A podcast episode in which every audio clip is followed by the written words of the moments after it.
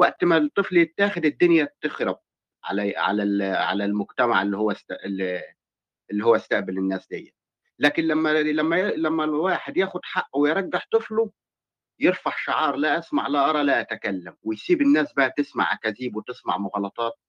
فده في حد ذاته يعني بنقول قضيه إنسانية ده في حد ذاته عمل غير إنساني.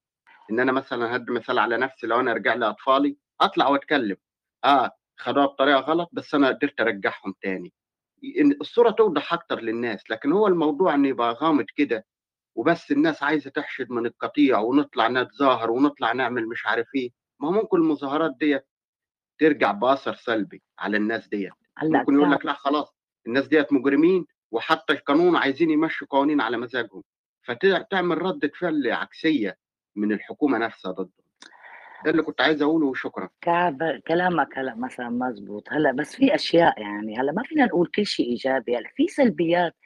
يعني في أكثر من جريمة ياخذوا طفل من ابنه. طب هن إذا قطة مولدة وواحد باع القطط معلش يا فاطمة الصوت مش مسموع. فاطمة الصوت بعيد آه. خالص أنا مش سامع. هيك. يعني هلأ هن مثلا قطة تكون ويبيعوا مثلا الأطفال تبعونا بيعتبروها جريمة. طب هي مو إنه نحن ما هن ضد القانون أو ما نحن ضد القانون بس خلي يكون في شيء تسهيلات لأنه أكتريتهم Ausländer كمان اللي موظفين بال Jugendamt أنا بعرف ال Jugendamt ما في حدا ألماني الجنسيه بولوني بلغاري هنغاري يعني آه، بس مجنسين. يعني في في أحيانا في عندهم حقد ما في رحمة يعني هن مثل Kontrolle. هلأ يعني ليش عم يستهدفوا العائلات أكثر شيء عائلات المهجرة. طب هن هربانين من الموت تيجي تاخذوا لهم مشان ما يموتوا أولادهم تيجي تاخذوا لهم إياهم بأي طريقة. أنا ما بتوقع إنه حدا بي آه، بيدمن مخدرات غير هن ما في يعني أنا ما ما شفت حدا مدمن مخدرات أو كذا. أنا أنا طول مع العائلات المهجرة. بيخافوا على أولادهم ولو ضربوهم بحبوهم. بس في أشياء ما حدا عم بيسكت على القانون. ليش؟ مشان الراتب. يحكوا يعني قانونيا لا تدخلوا الدين ولا تدخلوا شيء okay. بس ما في قانون واحد ياخذ طفلي مني. لو بدي أعمل أنا أحارب الدنيا كلها مين بده ياخذ طفلي مني؟ مين أرحم منه مني؟ مثلا. لا يا هذا كمان لا لا لا أنا لا أنا بحكي لك شوف أنا بحكي لك أنا كأم كأم أنا بتخيل إني أكون بدال هي اللي اخذوا ابنها منها.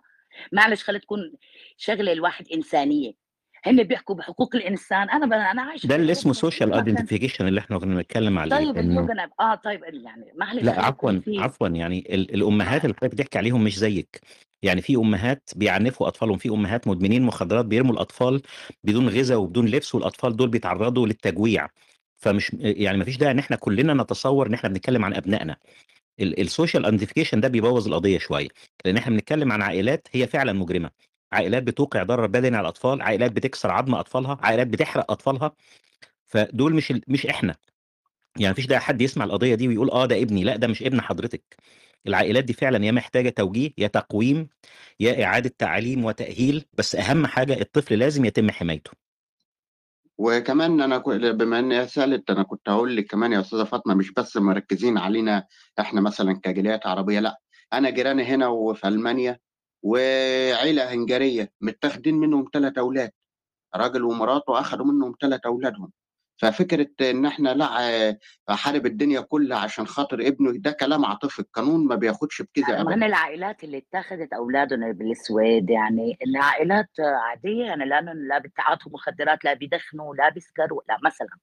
ده اللي وصل لك يا أستاذة فاطمة ما نقدرش نعمله إحنا إحنا إحنا خارجين عن الموضوع. في social worker بيعمل تقرير وفي قاضي بيحقق. أنا رأيي نمشي الدور عشان الناس اللي منتظره أحسن نعم أحسن. كلام جميل. البيوت أسرار البيوت أسرار. شوية لقطة هذه لا تبين أبدا تفاصيل قضية. جارك جارنا جاري جاري أنا ما أعرف إيش يصير داخل بيته لكن ما يخرج أمام السيارة وهم طالعين هذا كل كل العالم تشوفه. هذا أمر لا يمكن يعني قياسه بالطريقة هذه. رولا تفضلي. مساء الخير. أه بداية بما إنه بنتكلم مركزين على العائلات العربية بما إنه المستمعين هون عم بيحكوا عن المجتمع خلينا نحكي اللاجئين أو حتى اللي الجاليه العربية بشكل عام. آه، للأسف أنا كثير بلاقي في عقدة الاستهداف. إنه هم عملوا معي هيك لأنهم مستهدفيني. أعطوني مخالفة لأنهم مستهدفين العرب مستهدفين المسلمين. ما في هذا الكلام. هذا الكلام كتير عشوائي كتير طفولي مش مدروس عاطفي. إحنا اليوم عندنا آه، مشكلة إنه إحنا جايين مثلا من مجتمعات فيها ديكتاتوريه بنمارس ديكتاتوريه أصلا في بيوتنا. آه، ما تحكي لي كيف أتكلم مع ابني ما تحكي لي كيف أصرخ على ابني. أنا حرة في بيتي. أنا آه، عندنا مثل اللي بيطلع من داره بقل مقداره كلها هاي أمثلة كلها هاي معتقدات إحنا عشنا فيها ولكن للأسف هي مغلوطة.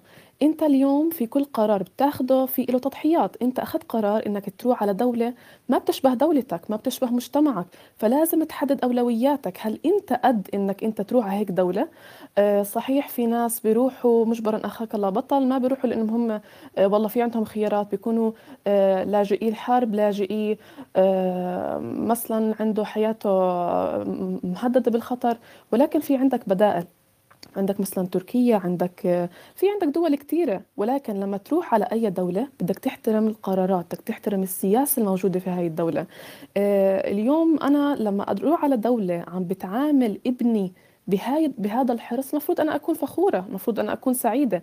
آه، ممكن أنا اليوم أتعرض لحادث أموت. أنا عارفة إنه هذا الولد في دولة عم تطلع عليه الآن بكل بنظافته بأكله بحالته النفسية بحالته الصحية.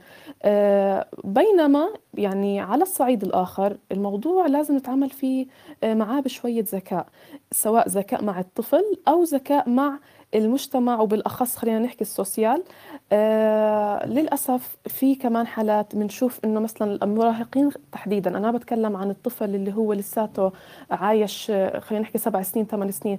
لا الطفل شوي لما يكبر ويصير المراهقة بصير فعلا أنا سمعت شوي مداخلة إنه بصير يهدد الوالدين. فالوالدة لازم يكونوا جدا أذكياء كيف أتعامل مع طفلي كيف أتعامل مع المجتمع أو السوسيال. آه أنا أذكر في آه اللي عمه هي مش عايشة بالسويد ولكن تعرضت لموقف شبيه إنه عندها ابن من ذوي الاحتياجات الخاصة كانت تحلق له آه وانجرح. وهي عندها مشكلة مع معلمة موجودة في المدرسة. فبيوم من الأيام كانت تتكلم معها فبتقول لها إنه آه، أنا بدي أرن على أرن على يعني الجمعيات اللي هي مهتمة بشؤون الطفل فاللي هي قالت لها إنه أنت رنيتي يعني عمرك أطول من عمري. أنا أنت رنيتي علي أنا أصلا جاي أرن عليكي أحكي لك إنه أنا ابني بتعرض لمشكلة من المدرسة. أنا ابني راح من دون هاي الإصابة إجا. فيما بعد بهاي الإصابة فهي المدرسة هاي الإصابة من المدرسة. فكانت جدا ذكية بطرحها جدا ذكية بالتعامل معها. لازم الواحد يكون حدق في التعامل. آه، لما يكون في طفل كمان على سياق آخر هاي القصة من وحدة عايشة بالسويد آه، كانت بتحكي إنه أنا ابني بحكي له إنه ما تحضر على التلفزيون لساعات طويلة ممنوع تحضر أكثر من من كذا يعني وقت محدد. فهو عارف حقوق الطفل بهاي الدول بيكون الولد عارف حقوقه فبلعانة عماله بيحكي لها إنه آه، أنا ممكن أحكي للسوسيال. قالت له والله بتعمل معروف أنا المفروض أحكي على السوسيال إني أنا عم بسمع كلام أنا بحكي لك كلام لصحتك وإنت مش عم تسمع آه، كلامي. فالمفروض الواحد يكون جدا حدق بالتعامل جدا ذكي بالتعامل مع جميع الأطراف سواء مع طفلك أو حتى مع المجتمع. آه، الموضوع أنا اليوم بتطلع على كثير ال social media بيكونوا يؤسفني إني أحكي فعلا إنها فيها عندهم نزعات إسلامية دينية آه، بتسلط الضوء على هاي القصص بطريقة جدا مبالغ فيها. في آه، فترة انتشر فيديو لفتاة لامرأة عربية آه، بتبكي إنه اخذوا أولادها بطريقة بتحرق الدم. إلى أن جاء اليوم في وحده بتحكي لي رولا هاي المرأة هي حاطين إنه شارحين ليش صاير معها هذا القصة إنه في الوالد بالأسرة معنف جسديا ونفسيا وهم آه، أعطوها إنذار بعدين توصلوا إنه بنجيب آه، لك بيت بتعيشي أنت وأبنائك فيه بكل بنوفر آه، لكم الحماية اللازمة. فيما بعد اتضح إنه يعني سمحت لزوجها إنه يرجع ينضم للعائلة. فهون شعروا إنه لا في خطر. وهاي أعطيناها إنذار مرتين وثلاثة وما سمعت. أنت هون معلش تستاهلي. يعني إذا أنت خلص بدك ترجع للأفكار زوج وبمون وب... لا لا عزيزتي هذا الكلام كان ممكن تمشيه بمجتمعك بس أنت هون بمجتمع هذا الكلام ما ما بمشي. آه الحركات الإسلامية اللي بتضلها بتحكي إنه آه يعني تناشد إنه آه اعملوا حركة خلينا إحنا آه نرفع صوتنا ونعترض على كل هاي القوانين. لا معلش أنت عايش بدولة بدك تحترم هذا القانون. القانون مش موفي فيه يعني شايف إنك أنت مش قادر على قانون هاي الدولة. احمل حالك وارجع على الدولة اللي أنت بتقدر تمارس فيها آه، يعني شعائرك بطريقة بكل حرية. ما هو أنت ما بينفع تعيش حياة لاس فيكاس في الدنيا وفي النهاية تعيش تموت موتة الأولياء الصالحين. فأنا أسفة على الإطالة بس إنه الواحد لازم يستوعب إنه مش مش شغلة إني أنا ضربت ابني كف على إيده. لا حبيبي ما بصير ينعمل هيك. آه وين ابني؟ ابني اخذوا السوسيال هذا كلام خالي من الصحة. الأمور يعني معلش عقدة الاستهداف تاعت ما بدي أحكي حتى مسلم العربي أو الشرقي يعني حتى برضه في أتراك بيحكوا نفس الكلام. هاي العقدة يا ريت لو إحنا نتجاوزها ما في منه هذا الكلام. في إنذار في حياة نفسية لازم لازم تاع السوسيال يتأكد إنه في خلل. في هل في كحول هل في مخدرات هل في تعنيف جسدي تعنيف نفسي هل في عدم عناية بأكل نظافة رعاية طبيعية للطفل ما تقدمت. فإحنا خوفا على طفلك بنسحبه. أنا بس تذكرت حادثة سريعة ما بدي أطول أكثر من هيك. آه، في آه، لاجئ سوري آه، تم مقابلة مع بينه وبين يعني على قناة. كانوا يح كان يحكي. أنا سبق وسألت لما كانت موجودة الآنسة السويدية من شوي بس أنا عارفة الجواب ولكن حبيت أسأل لحتى تعطيني جواب بطريقة مهنية. هو بيحكي إني أنا لاجئ سوري أعطوني سنة آه، كذا حدا وضح إنه بيعطوك سنة بفهموك كل الأمور. آه، بعد سنة شافوا إنه الظروف البيئية اللي عايشين فيها الأطفال مش مناسبة إنه يكون توفر حياة طبيعية لهاي الأطفال. سحبوا الأول والثاني والثالث. المدام كانت حامل جابت بيبي. أول ما إجا البيبي أخذوه بعدين رجع بعد سنة جاب كمان بيبي. هلأ هون إحنا عم نتكلم هل في أنا أنا ممكن بلحظة أحكي اضطهاد بس فعليا فعليا أنت مش موفر الظروف المناسبة. لو أنت فعلا قلبك بيحرقك زي ما أنت بتحكي وكان أنا بوقف على رجلي بشتغل شغل صح برجع أولادي بعدين بفكر إني أجيب بيبي جديد. في عندك سوء إدارة. لما انت عملت سوء الإدارة. آه، مو رولا آسف أقطع كلامك. أنا يعني أنا خلصت يعني. آه، آه، هذا الموضوع اللي طرحتيه أنت آخر شيء إنه أخذوا البيبي من المستشفى. طبعا هذا الموضوع به مشكلة كبيرة. اللي ما يعرف حتى أقول لكم أنا عندي صديقي اتمنى ثلاث مو اتمنى يعني أخذ ثلاث أطفال وأخوان. حتى اللي يقول ها لا هم يفرقون بين الأخوان منا أو منا أنا. لا يحاولون العرض الأول يروح لل للعائلة اللي عندها أخو من هذا. أو أخته موجودة بهذا البيت يحاولون يودوه لهناك حتى لو يساعدوهم بسكن أكبر. هاي وحدة تتعاطى هيروين وأنا تكلمت بيها إنه الأولاد من يطلعوهم بالولادة حتى إنه إنه يحاولون يعني يعطوهم جرعة قليلة من الهيروين ما يقدرون يقطعون الهيروين عنه. فأول ما هي تولد هاي تكون مرت صديقي بالغرفة الثانية منتظرة الاطفال اجتها توم. وكان عندها هم ماخذين ابن من عندها قبل لأنه كمان آه، كانت تتعاطى هيروين بنفس الطريقة. فهي ناطرة هناك. أول ما طلعوا الأولاد خلوها بحضن هديكه وعالجوا الأطفال تقريبا 10 أيام بال 10 أيام آه، من الهيروين مشان ياخذوا الأطفال بعدين يجمعوهم بيت واحد مع أخوهم الكبير اللي كان يعني وهي البنت هي اللي تتعاطى هيروين أول ما ولدت طلعت من المستشفى دغري. وراحت تروح تدور هي ما بدها أصلا الأطفال يعني. في حالات غريبة عجيبة إحنا ما نعرف بالضبط القضايا شنو هي خاصة من تتعلق ببيبي صغير ليش يأخذون الطفل؟ لازم نعرف شو السبب. آه، آه، سومر آه، كلامك صحيح بس أنا اللفت اللي التفت لها مش هي هاي. في سوء تخطيط. إحنا أنا أنا أنا اللي بتكلم عنه العشوائية. إحنا عنا بدنا نعمل كل شيء على كيفنا من دون لا إدارة ولا من دون ما تخطيط. أنت عندك مشكلة أصلا ثلاث أبناء تم أخذهم منك فرحت جبت الثالث الرابع وجبت الخامس. أنت عندك سوء إدارة. إذا أنت عندك سوء إدارة لحياتك فكيف أنت قادر تجيب أولاد وتأسس لهم حياتهم؟ أنا هاي كانت أشكرك رولا لأنه بال human right act أنا مهما كانت الأم آه، مدمنة أو تتعاطى آه، مخدرات أو كذا بال human right أنا لا أقدر آه، أحرم حقها أنها تكون أم وكذلك الأب. حتى لو كانوا مغتصبين حتى لو كانوا مدمنين حتى لو كانوا أنا راح أقول لكم شيء لما الأم already تكون في ال system ويكون already في عندها baby وتكون أساسا حاملة.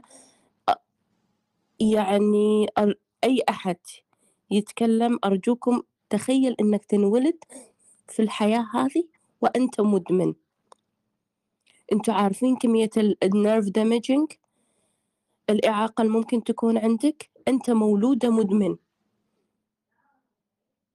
ف و... ولما يتاخذ الطفل من آه، من الأم مباشرة هذا برضو بأمر آه، الأم لما تدخل وخصوصا لو كانوا شاكين أو خصوصا already كانت تحت. آه، تحت ال system الر- الرعايي وبعدين في شيء أنا حاب حابة أوجه عليه مجرد أن تم أخذ طفلك آه، الأول أو الطفل منك الطفل الثاني يجب بالقانون أنه يكون هو آه، تحت الرع... آه، يعني automatically كذا يكون تحت آه، مر- المراجعة ال- الرعاية الاجتماعية. يعني أنا بس عاوزة أقول لكم لما أخذ طفل ولا بيبي من من أمه في من المستشفى كيف بيكون مرهق عصبيا حتى على الموظف وكيف إنك أنت أنت طف... انت أنتوا متخيلين طفل جاي على الدنيا هذا مدمن؟ أنت لغيت كل فرصة في الحياة. هذا إذا ما مات؟ أنتوا متخيلين الطفل هذا لأنه يدوب مولود. أنا ما أقدر أعطيه أي حبوب ولا أي علاج. يعالج إدمانه؟ أنا أخليه يصرخ بشكل مو طبيعي. يعني آه، اللي بيقول من ناخذ أطفال من أمهاتهم بس أنتوا اسمعوا صرخة طفل مولود وهو um, he's, um, he's craving his drugs. مشتهي ال drugs ومو قادر ياخذه لأنه already على ال system. أنتوا عارفين إن في أطفال بتكون مدمنة لدرجة إن الإدمان إن حتى عشان نطلع ال ال ال- المخدرات من ال system بتاعهم مرات بنجبر إن نخلي الأم ترضعها عشان ياخذ ال dose الهيروين بشكل أقل؟ تمام يا ملك يعني اللي انت بتقوليه إنه الطفل له أولوية في الرعاية وإنه ال system بالضروره يس بارامونت تمام. الأحقية الأحقية في بارامونت يس بارامونت جميل جميل. شكرا ليك يا ملك.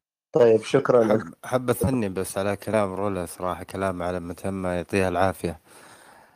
بركات أنا بستأذنك. بركات الدور عندك.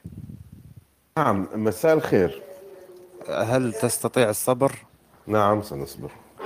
لأن الأخت كريستين راسلتني كثيرا ماشي. وتريد المشاركة مستعجلة أو أمر okay okay. ربما لديها أمر طارئ. تفضلي ماشي. كريستين. آه، مساء الخير عليكم جميعا. هلأ الموضوع كنتوا أنتم عم تحكوا عن السويد. آم، أنا عايشة بألمانيا وأنا بدرس social work وبنفس الوقت بعمل التدريب المهني اللي هو بيكون موازي للدراسة الجامعية عند مؤسسة ال Jugendamt اللي هي مؤسسة حماية الطفل. آه، بألمانيا ما شفت كتير إنه في هي الحالات. هلأ عندي يمكن تساؤل ليش السويد كتير هي مضوى عليها بهالقصص؟ يعني ليش في كتير بحس أنا صاحب حالات بالسويد؟ ما بعرف يمكن يكون معدل الجريمة هناك أعلى يمكن يكون هناك الاندماج. أصعب ما اندمجوا هناك المهاجرين. آه بس في شيء يعني أنا هون عايشة كريستين بألمانيا. بعد إذنك لا هو ما هي هي periodical يعني يعني ألمانيا السنة اللي فاتت آه، كانت في البؤرة بقضية آه، طفلة كوبلنز ولو كنت متابعة القضية القضية اخذت طبعا زخم آه طبعا. كبير طيب فهي هي بتبقى periodical والجماعات الإسلاموية بتستهدف دول أوروبا واحدة ورا الثانية أول ما تلاقي فرصة بتطلع بيها. في السويد بمجرد ما يحصل حادثة أو بمجرد ما يفتعلوا حادثة. يعني لو تابعتي قضية كوبلنز هتعرفي إنه الحادثة طلعت مفتعلة. الأب والأم هربوا والسلطات الألمانية وجدت إنه دلوقتي في 30 قضية تقريبا أو يعني في حدود 30 قضية 20 هو 30 قضية مش تقريبا ما صار ما صار في آه يعني أبشلس إنه قفل لهي الحالة. لا لا في ابشلوس إزاي ما فيش ابشلوس ما فيش ابسولوت في القضية نفسها ولا في إيه بالظبط؟ بالقضية نفسها هن لا لا ال في ال لا لا لا بس للمدعي العام الشرطة إيه بس بس بس الشرطة ما ما تهمت الأهل. ما في ما في في في النهاية لا في النهاية الشرطة لم تتهم الأهل الشرطة اختارتهم بأنهم ينبغي أن يغادروا لأن هم آه، آه، جزء من الحكاية إن هي كان طلب لجوء كمان وجزء من الحكاية إن الأب والأم كانوا متورطين مع جماعات إسلاموية وكانوا بيعملوا القضية ضد هلأ هذا الحكي كثير سهل هذا الحكي كثير سهل. أنا عايشة بألمانيا وأنا على فكرة أنا ترانس جندر وومن فأنا مني إسلامية. أنا أبعد كل لا لا علاقة اسلام بالإسلامية. أنا بس أنا خليني أحكي يعني معلش حضرتكم صاركم عم تحكوا ساعه فبعتقد أنا هلأ دوري آه، معلش دقرك اتفضلي اتفضلي بس الكلام الكلام القضية فيها أبشلوس وفيها قرار من النائب العام وفي قضية متحقق فيها أنا ما وفي بهمني ما كثير بهمني أنا ما كثير بهمني شو بيقرر النائب العام أنا عايشة بألمانيا وأنا بشتغل عن مؤسسة حكومية وأنا أبعد كل البعد عن إني أنا أكون متعاطفة اليوم مع إسلاميين أو مثلا مع هذا الخطاب العاطفي كله أنا ما كثير مثلا بيأثر فيني، إذا اليوم أنا بدي اكون متأثرة بالخطاب العاطفي المفروض أنا ما أشد مع أي حدا عربي، ويكون أنا عندي فوق وتايلة يعني أحكام مسبقة أطلقها على الأشخاص العرب. كونوا هن اغلبيتهم ترانسفوب وهوموفوبيك و و بس أنا ما بفكر بهي الطريقة. أنا بفكر بطريقة أكاديمية. عندنا بألمانيا أو هون مثل ما أنا يعني بشتغل ما في نسبة سحب أطفال مثل ما أنا بسمع أو إني أنا بشوف مثلا بالإنترنت. ما عندنا هي الضجة اللي هون. بيتم كثير دراسة القضايا. بيتم توجيه إنذار أكثر من مرة. بيتم دعم الأهل بدورات غيرسياليزيهم إعادة تأهيل للأهل للأم للأب للأمومة.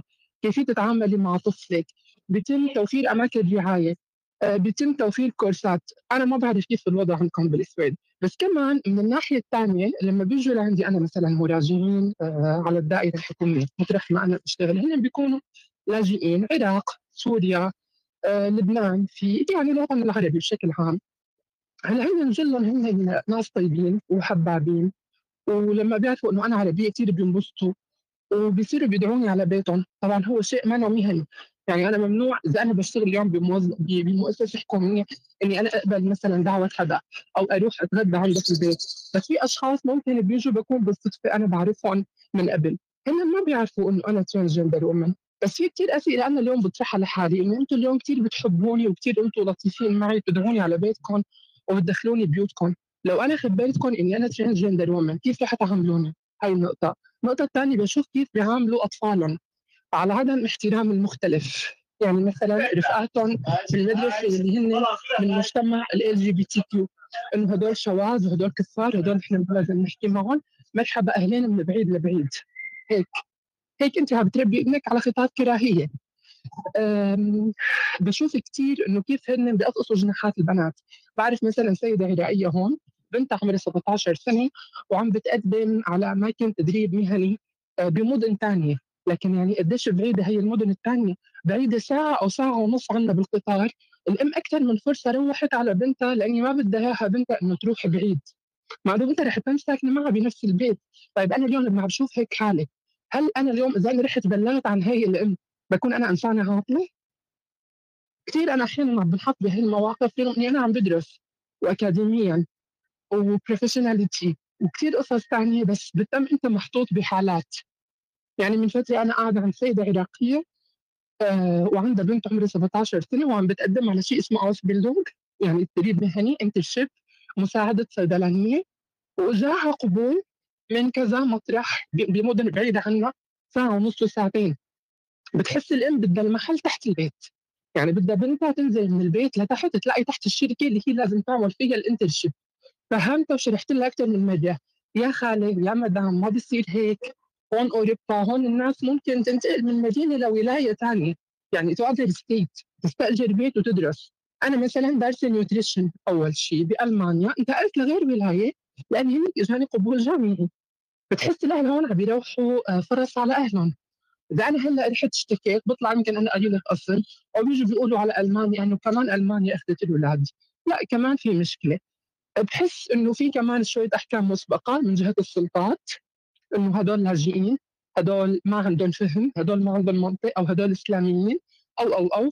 طبعا مش بالضرورة يكون هذا الشيء صح. يعني أنا لا بشد كثير مع طرف السلطات ولا بشد كثير مع طرف المهاجرين. بس ما في استهداف أكيد بناء على الدين. أه بس يعني هيك حبيت أحكي شيء بشكل عام بناء على تجربتي لأ كلامِك كلامِك كلّه دقيق يا كريستين، أنا بس الن النقطة الوحيدة اللي إحنا محتاجين نحسمها أكاديميًا زي ما بتقولي، هو هل السويد فعلًا نسب آآ سحب الأطفال من ذويهم أعلى من ألمانيا والّا لأ؟ أنا ما عنديش نسب، أنا شايف ضجة، والضجة دي تمامًا، شُفتها أنا شايفة ضجة كبيرة، مالي شايفة إلها مثيل بألمانيا بالضبط، أو ما هو مثلًا إحنا إحنا بالنمسا. شايفين الضجة دي بناءً على إحصائيات والّا إحنا شايفين الضجة دي بناءً على إن في مجموعات بتستهدف الرأي العام عشان توجُّه معيّن؟ ده السؤال. لو في إحصائيات بتقول إن السويد أكتر من ألمانيا، المعدلات يعني، ده أكيد هيصُب في في القضية الأكبر بقى اللي هي إعادة مراجعة القوانين بحيث يتم بس ضبطها السويد أكتر من ألمانيا، بس أنا كمان باحس إنه ألمانيا متساهلة أكتر من السويد، يعني اليوم أنا باشوف في كتير أهل باطلّع هيك أنا باقول هي وين وين السوسي وين وين الjugendamt هون عنا؟ وينها؟ أنا باعرف مض أشخاص اهم. حرفيًا بيضربوا أولادهم، بيسبّوا أولادهم، مثل هي الأم بتربي أولادها على على خطاب كراهية على إنه ما تحترموا المثليين على رفيقكم الليزبيش ما تحترموه؟ والليزبيان رفيقكم المثلي هذا مريض. أستاذ المثلي هذا لا كثير تتعاملوا معه هذا نجس. أنا بعرف كثير أشخاص هيك. أنا بتطلع بقول هدول وين اليوجنت امت عنهم؟ وينهم بدي افهم فأنا اليوم بعترف إنه يمكن في بألمانيا تقصير. ممكن ممكن. مو يمكن أكيد أكيد في تقصير. يعني مش بالضرورة يكون هيدا الشيء إنه هو بدين. السويد مم. وبيبرئ ألمانيا. لا. ممكن يكون بدين ألمانيا. تمام. تمام. أستاذ و- وما أعرفش إذا كان في حد شاف الفيديو اللي اللي فيه الأم بت بتشتكي من إنه أعتقد مش عارف بقى اخدوا البنت بشكل مؤقت أو إيه لكن كان في قضية وهي بتشرح قدام الكاميرا إنه البنت ما عملتش حاجة هي بس كانت بتروح المدرسة و... و... وت- ومنزعجه جدا من اللي بياكلوا خنزير وبتقول لهم أنتوا كف يعني في شوية حاجات هي كان سلوكها واخداه من الأسرة وأعتقد دي كانت الإشكالية. بس الأم مش حاسة إن في آه، إشكالية. أنا هيدا هيدا المقطع كثير استفزني لأن الأم مبين عليها وحدة كذابة ونحن عندنا في كثير اشياء نحن هون بنعملها بحياتنا اليومية وبنعتبر إنه اجتهاد شو؟ عين يعني هي مم. بتنتمي هي بتنتمي ابدا لحياتنا مثل ال homophobia. شو يعني homophobia؟ هذا واحد شاذ يعني أنت مستني مني إني أنا أحبه؟ أنا لا لازم العب جنبه. ما لازم احبه ما لازم أحترمه. شو يعني وحدة transgender woman أنا اليوم هن اللي بيجوا لعندي على الشغل they don't know I'm transgender woman. إن ما بيعرفوا أنا مرة trans بالعكس إن كثير بيحبوني. wow أنت حلوة وأنت وايد لطيفة وأنت ما أعرف شنو. من هذا الحكي. شو بدي لعنا وخلينا نازلك على هذا. طب لو اليوم أنا قلت لكم أنا transgender woman شو بتعملوا؟ بتعتبروني نجس؟ شو بتسوي يعني؟ بتقعدوا تحكوا معي ولا بتحكوا معي بصيغة المذكر ولا شو؟ ماني قادرة هم اللي بيعتبروا إنه عندهم هذا الخطاب الإقصائي عندهم هذا الخطاب الوثائي الاستعلائي تمام؟ أنا محجبة أنا مسلمة أنا شريفة والباقي عواهر هيك وما بيعرفوا يحكوا لك بحقوق الانسان غير لما هن حدا آه، بيقربهم على معتقداتهم اللي هي أفكار جدا جدا عامة ومطاطة وقابله للنقد وتنتقد كل من دب على هذه الأرض. تمام؟ السلام عليكم. انتظر دورك معلش أو سهام؟ معلش لما لما تخلص okay. الأستاذ. ما عندك شيء مشكلة. اتفضل لما يبقى عندك دور هننتقل ليك. آه، شكرا ليكي كريستين. ما- مين مين آه، شكرا بركات. انك اعطيتني بركات دورك. شكرا كثير طب أنا كمان. أنا كان الدور علي وأجلته مشان الأخت تحكي. اتفضل نعم طيب. بركات. تفضل آه، راح دوري لأنه على ما أعتقد. آه، ماكس اللي يعني هو طلع كان قبل يعني ماكس ولن كمان. أي ماكس بس ولن أنا نعيد متابع نعيد متابع. بس لأن بركات. طب اللي متابع الدور من المودريتورز هيشوف ممكن تقفلوا الميكروفونات أنا وسامر اوريدي الدور طبعا متابع بس المايك عند بركات بعد إذنكم. بركات تفضل. بركات يتكلم وبعدين نروح ماكس وحنان وننزل نزول. تمام؟ لن لن. ماكس لين لن كانت ويانا قبل أظن طلعت ورجعت دخلت مو؟ إيه أصلا أنا اي طلعت بس ما شاركت يعني كان عندها ما بس تساؤل. آه، ما هو الكل, الكل تداخل مع كمية يا أخي طيب أنا بركات. أنا دوري بعيد. تفضل. عادي يقدمونه لا آه، خليك تحت. تفضل يا بركات. على حال مساء الخير للجميع. آه، أنا صار لي ساعتين بسمع الحديث وحقيقة أنا من وجهة نظري إنه كل التحليل اللي سمعناه مش صحيح.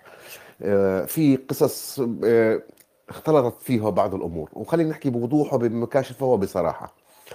إحنا العرب آه، قسم منا بحب جلد الذات. جلد الذات نعم. يعني إنه آه، الليبراليين والمتحررين واللي انفتحت لهم أبواب الحرية يعني استغلوا الحرية بشكل أحيانا غير صحيح بكل الاتجاهات. وإن نرمي على الإسلامويين والإسلاميين وكل الخراف هذا كل المشاكل هاي هذا تحليل هذه الأمراض جبناها معنا من العالم العربي وبدنا نصدرها لأوروبا. هذا مش مزبوط آه، أنا بدي أكون صريح وأرجوكم تكونوا صرحاء معي لو كانت القضية هذه اللي بنعاني منها الآن واللي بنحكي عنها عند اليهود اليهود الذين يعيشون في أوروبا هل المعايير ستكون نفس الشيء ولا في معايير مزدوجة نعم لا أحد في. أوروبا نعم. لا أحد في أوروبا يستطيع نعم. أن يمس شعرة من شعرة اليهود لأن هذا شيء اسمه تحت بند اللاسامية مجرد أن تنتقد سياسات دولة إسرائيل وليست الشعوب الشعب اليهودي كديانة وكعقيدة وكشعب. مجرد أن تنتقد سياسة حكومات إسرائيل أنت تجرم حتى في أوروبا في ألمانيا. قبل أسبوع ناس عرب كانوا يشتغلوا في الدوتش فيلر هذا خدمة هيئة البث دقيقة شوي دقيقة. خليك معي شوية يعني. خليك معي بدك تناقشني ولا بدك يعني لا لا, لا بس أنت, أنت نطيت في غو... يعني في موضوع آخر. لا ليش؟ صلب الموضوع. هذا صلب الموضوع. إنه هناك معايير مزدوجة. لا فيه لا أحد يستطيع أن يت... لو كانت قضية الأطفال المخطوفين نستطيع الرد عليك في هذا الموضوع لا تردش علي. انت أنا بتخليني اطالع حكم مشاركتي وبعدين رد علي لما اخلص لا بس أقدر أقول لك إنه هذه الأمور فيها تفاصيل كثيرة وتقارير صحفية لم تطلع عليها اطلاقا. ليش لم اطلع عليها؟ عليها؟ إحنا إحنا عايشين الواقع. صدقني أنا أعرف الواقع. أنا ما علم من الواقع الهلامي. أستاذ بركات معك دي طب أعطيني مجال احكي لا مش بصحش الناس كلها حكت دقيقة أكثر من دقيقة. آه خلي يكون في شوية إنصاف يعني. الموضوع. خلص لا إله إلا الله. أنا أنت عشان الكلام مش عايزك تصير برا الموضوع. عشان الكلام برا وين برا الموضوع؟ شو كيف برا الموضوع؟ أنا بقول لك أطفال السويد لأنهم عرب لأنهم مسلمين. لو كانوا إسرائيليين عشان أو يهود حضرتك عايز تقول إنه القضية هي قضية أطفال مسلمين ولهذا لا طبعا هذا جانب من الجوانب. أكمل. ولو كانت قضية أطفال يهود كان العالم انقلب رأسا على طبعا طبعا طبعا. وهذا تمام. بديهي. هذا كلام ما عليه أي خلاف. تمام. ثانيا إنه إحنا يعني مش متضامنين مع بعض. ما في شك إنه هذا بيعطي الموضوع بعد إنه في تفكك وفي تمزق وإنه يجي كل واحد محارب الإخوان المسلمين يقول لك المشكلة هي الإسلاميين هم اللي أثاروا كل هالضجه هاي. إذا عندكم مشكلة مع الإخوان حلوها بطريقتكم حاربوهم في الشرق الأوسط. تمام. لكن في أوروبا إيه؟ في النقطة الثالثة ماذا بعد؟ كيف نستطيع أن يعني نحل هذه المشكلة؟ ما رأيك؟ الرؤية المستقبلية. أنا رأيي إنه نكون اولا متحدين على قلب رجل واحد. يكون عندنا في مراكز أبحاث تبحث هذه القضية بعقلانية وبوعي وبإدراك وبإلمام. حتى لو استشرنا يعني ناس من خارج يعني خبراء الدول قانون وخبراء اجتماع خبراء قانون واجتماع بالضبط وإحنا جميل. نأخذ جميل. بنصيحة هؤلاء عظيم. ونتوجه إلى المشرعين يعني جميل. الموظفين اللي أنتم جبتوهم قبل شوية زي ما بيقول المصريين عبد المأمور عبد لا المأمور إحنا أستاذ بركات يعني حضرتك يبقى في دراسات والمجتمع العربي يدعم هذه الدراسات وياخذ بالضبط. آه ويتوجه إلى المسؤولين. دراسات اجتماعية. وبعدين و... يطرحوا ويحاولوا يغيروا التشريع. التشريع بس بطريقة حي... آه يجب تكون هاي الأمور كي تحركها بدك يعني بلدوزر يعني. بدك إنك أنت ضغط سياسي من الجامعة العربية ومن الدول ومن. الجمعيات العربية ومن كافة الجهات يعني حتى تغير هذا الواقع. وبعدين إنه إنه إحنا لنا ثقافة يا أخي. مع كل احترامي لما قيل هنا إحنا عرب مسلمين لنا ثقافة. إنك أنت تنزعني من ثقافتي العربية الإسلامية بحجة الليبرالية وبحجة كل شيء. هذا بالنسبة لي عملية انتحار. أنت يعني أنت مني ان تضامن أن كمان مع المجتمعات العربية عشان نحمي الثقافة العربية والاسلامية نحميها بالطريقة التي تلائمنا وتلائم المجتمعات التي نعيش فيها. أنا لا أعلم أنني أعيش في أوروبا ولهم قوانينهم ولهم حضارتهم ولكن لنا زي ما لليهود يعني نوع من الاندماج الذي يحافظ على الهوية وعلى الثقافة. بالضبط بس أن يراعي يراعي كافة الأمور من كافة الجوانب. تمام. والمعايير المزدوجة هذه يجب أن تنتهي. أنا بعرف إنه الدول الإسكندنافية كانت أكثر الدول في العالم رقيا وكان الواحد وإحنا صغار حلم حياته إنه يسافر على الدول الإسكندنافية. وإذ بفجأة تغيرت المعايير صارت هي زي ما حكت الأخت قبل شوية أسوأ من ألمانيا وأسوأ من غيرها. فهذا الكلام بده فحص من الجذور نفحصه ونبحث له عن علاج اما أن نقترح الحل ونبدأ في التطبيق بالضبط. السياسي. بالضبط. أن نلقي التهم جزافا يمينا ويسارا على الإسلاميين وغير الإسلاميين. عندك إضافة أخرى؟ خطأ. أنا عندي الإضافة إنه إن ال social media مع الأسف في, الوص... في الدول العربية يعني لا تلقي الضوء بشكل علمي على هذه القضية. لا حضرتك قلت بقى إحنا لازم نجيب خبراء ي... لا لا لا بصرف النظر عن نجيب خبراء حتى حتى حتى تسليط الضوء عليها حتى يعني بيتحدثوا الآن عن القضية بشكل عشوائي. في أوروبا. أنا عشت أوروبا شمالا وجنوبا وأعرف كيف بيعاملوا اليهود وكيف بيعاملوا المسلمون. طيب وأنت لا تنكر ذلك. إذا طيب كنت تنكر ذلك مش عايزين نكرر بركات. لا ليش مش عاوزين نكرر؟ هي هي هي العلة. هون العلة. أنا أسألك سؤال صغير وتجاوب أربع سطور. قل لي إيه وفا دوله خلاص ما أنت تبغى تجاوب؟ okay. تعرف إيش معنى cabeza de turco؟ يعني انت حاليا بتعمل امتحانات يعني سؤال. مش لا لا لا لا شو الهدف من الأسئلة اللي يعني هذه؟ مش لا لا لا لا يا أخي أنا ما اختبر تفضل. تعرف معنى تيتي طيب بعرف. إذا بترجم لي بالعربي بعرف. يلا. لا لا ما تترجم. ما ما تترجم. تترجم. هذه حملات كبيرة جدا استخدمت ضد غير العرب. إيش؟ غير العرب.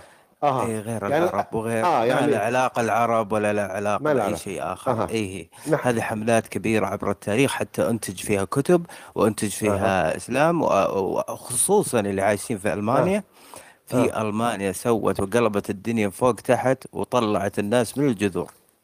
هذه حملات قديمة جدا. يا رجل كل شيء إحنا مقصودين فيه وحنا العرب وحنا المستهدفين وحنا وحنا ما في أصلا في العالم إلا حنا ما أدري يعني. لذلك أنت عارف يعني كحل وسط. منتجين أو عندنا أمر الشيء ماشي سوف يؤخذ منه. okay okay. لنفترض إنه هذا الكلام صحيح. كحل وسط نتمنى إنه يكون في جهة مستقلة. مستقلة تفحص هذه الأمور ب- بطريقة علمية وواعية وتطلع لنا الحقائق. إذا أنا كنت غلطان أو ال- الذين يفكرون بهذا الاتجاه غلطانين بالعكس إحنا لا, لا نخجل ان نقول إحنا عندنا سوء تفاهم. بس اللي شايفه أنا الآن ما في معالجة صحيحة للقضية. هناك استهداف وأنت تعرف إنه في السويد رفضوا يبنوا مساجد وأنت بتعرف إنه في الدنمارك عندما رسومات. ليش مش صحيح يا أخي؟ ليه؟ أنت بتدافع عن الباطل ليه؟ أنت بتدافع عن الباطل ليه؟ لأنه الكلام هذا باطل هذا الكلام كل وسائل الإعلام اللي في الدنيا حكت هذا الكلام. والصور اللي في الدنمارك. مين عمل؟ لو ان صور واحد يهودي لو طيب لو ان الصورة خليك معي شوية لو الصورة هاي عن آه، إحنا اللي نتكلم عن الأطفال في السويد. إحنا ما نتكلم قضايا دول العالم. ما, له علاقة بالارتباط. أنت لا تريد العلاقة بركات لأسبابك يا الخاصة بركات. ولكن بركات. الواقع يقول هكذا. هناك لو معايير. مزدوجه نظام نقطة نظام. عنوان الغرفة خطف الأطفال في السويد وليس في الدنمارك. عندك شيء تجاه هذا المقال غير اللي قلته؟ فيك تنهي بدقيقه بركه تفضل. خلاص. هل عندك لا على هذه الوقت الجزئية ال- ال- الاخ أخذ وقته خلاص. أنا بس طيب. آه، شكرا شكرا يعني شكرا. يا يا لا والله. لا بدون تعليقات. بدون تعليقات. هو أنا واضح واضح القانون موجه. يطبق. ما راح تكون تعريف في 30 ثانية. إن الق- طيب. القانون يطبق على كل الناس ب- باخت... ب- باخت... بإختلافهم. وكما قلنا إذا أنت حسيت إن أي في شيء عنصرية كمان أنت طلع لي قول لي إن الحكومة ما راح تعطيك محامي وتدفع لك فلوس المحامي إذا أنا موظفة حكومة وتعاملت معك بعنصرية وقدرت تثبت هذه العنصرية. فالقانون يطبق على. على الكل. هناك أخطاء؟ نعم هناك أخطاء. فلسنا بكاملين. لكن تمرر لأج... الأجندة السامية وضد السامية. عندك في بريطانيا حزب العمال اضطهد وحصل فيه كله لأنه قال إنه, إنه معادي للسامية. فأنت ما, ما تقلب لك الموضوع. نحن بنتكلم عن نظام اجتماعي يقصد فيه ضجة إعلامية. هذا النظام الاجتماعي اللي هو social services في السويد مقصود فيه ضجة إعلامية إنها موجهة للمسلمين لخطفهم من آلاء من أهلهم. أرجوكم تكلموا في في هذه الع- العنوان. شكرا لك. شكرا. ماكس. طبعا ماكس. معليش طول عليك. لا ما في تطلع من هو وترجع. والله أوه حنان بتزعل منك بعد. يلا. يلا. حنان تفضل ماكس. لا تفضل. كان في صحن محاشي فاضطريت أروح سامحونا هلا بالعافية بس سم آه، حطيت رابط فوق آه، تقرير للتلفزيون السويدي.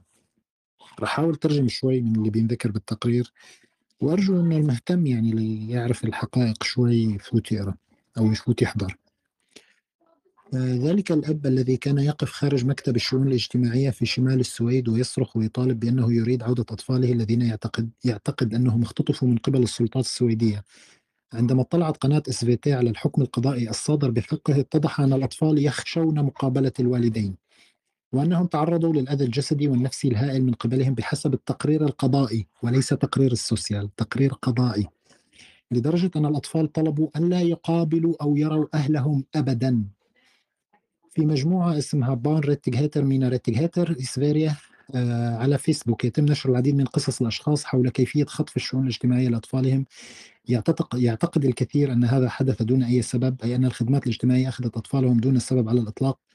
كما بدأت تغطية بعض الحالات في وسائل الإعلام الدولية كأمثلة على كيفية قيام السلطات السويدية باختطاف الأطفال من أصول مهاجرة مسلمة الحالة الثانية المذكورة بالتقرير هي لأب مجرم وأم مجرمة مدانان قضائيا والأخوان الاثنان الكبار. طبعا هم تحت السن ولكنهم كبار أحداث في السجن.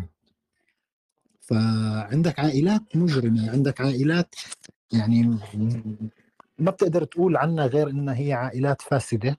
وبدهم الأطفال يضلوا فيها ليش؟ لانهم عائلات مسلمة وإذا بدك تروح تقرب على الطفل فأنت هيك عم تعتدي على الإسلام.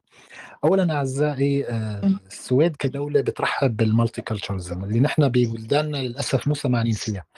آه المالتي كلتشرزم شو بتقول لك؟ بتقول لك أنت بتندمج بالمجتمع وبتحافظ على هويتك الثقافية شو ما كانت، إسلامية، يهودية، مسيحية، بوذية، صينية، يابانية، شو ما كانت. وفوق هيك الدولة بتدعمك، المساجد ما وقفت فتح بالسويد على فكرة والعرب المقيمين بالسويد بيعرفوا حالات السرقة اللي بيقوموا فيها بعض الإسلاميين لما بيدعوا إنه عم يفتحوا مسجد، كيف؟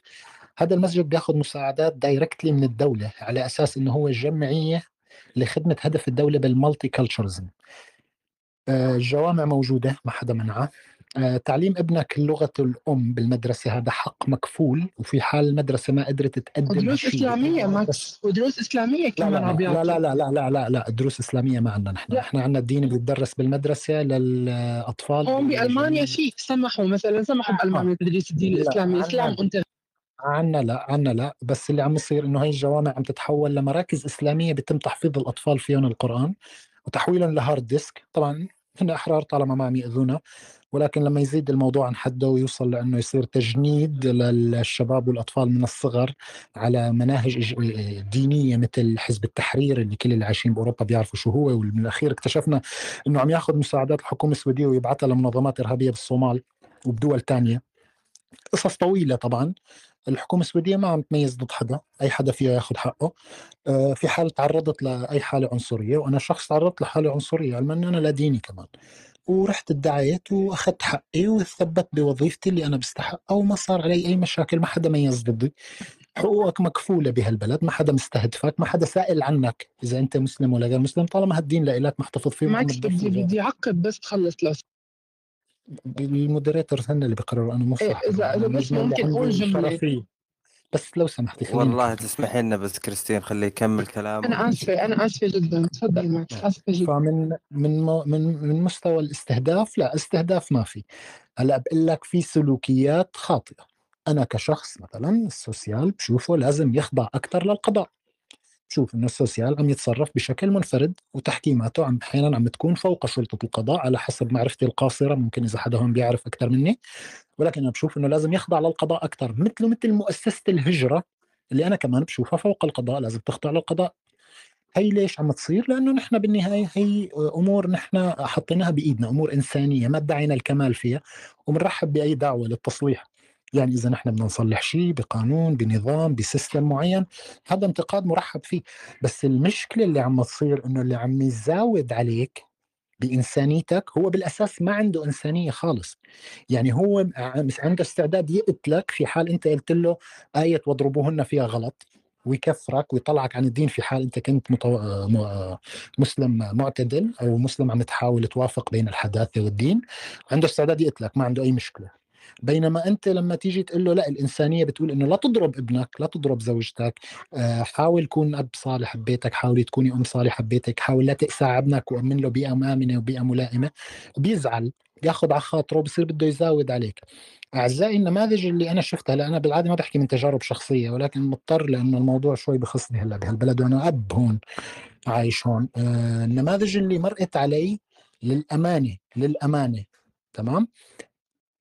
عندي نسبة يعني فوق ال 50% لا يستحقون إنهم يربوا أطفال هون.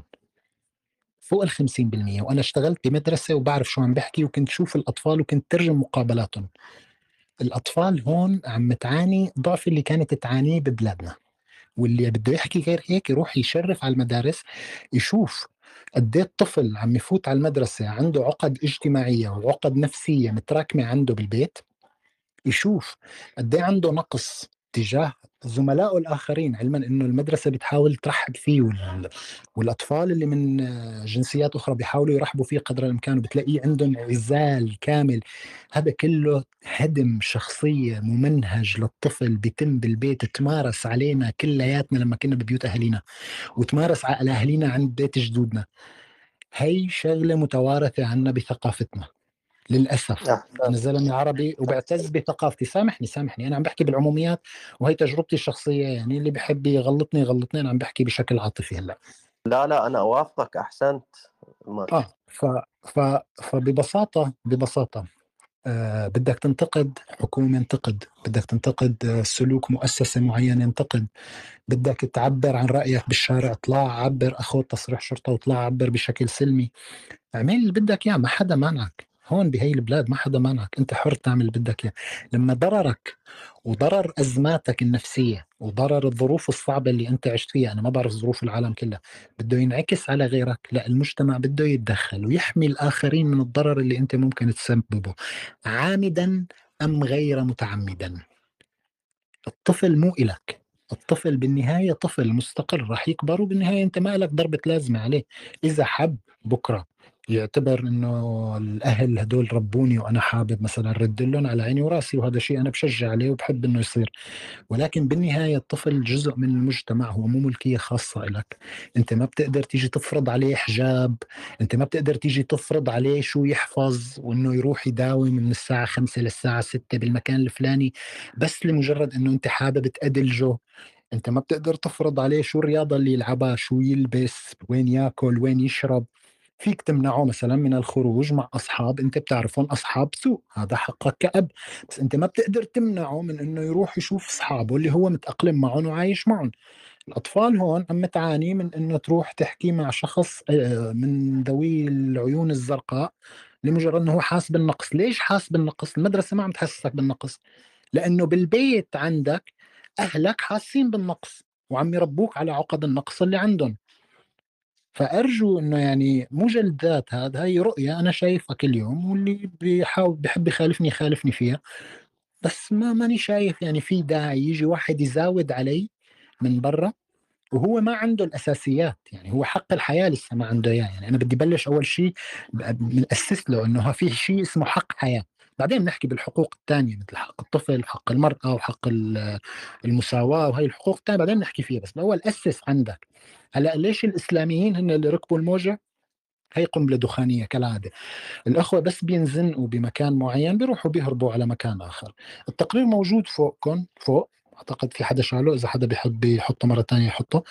التقرير موجود فوق. فيكم تشوفوا الفتاشة من وين بلشت؟ من عائلات مجرمة. عائلات منتهكة حقوق أطفالها. عائلات توجهت لأطفالها بأمور يعني لا أخلاقية ما بدي أحكي أكثر من هيك. التفاصيل كلياتها القضاء هو المسؤول عنها أنا مو حقي أحكي فيها. ولكن يعني عم شوف فتيش دخان دخان دخان. ليش؟ مشان يضيعوك عن المشاكل والمصايب اللي عم تصير عندهم. أنا بتحدى بتحدى أي حدا من اللي وفدوا إلى دولة أوروبية وخصوصا السويد يدعي ويقول إنه هو محروم من حقه.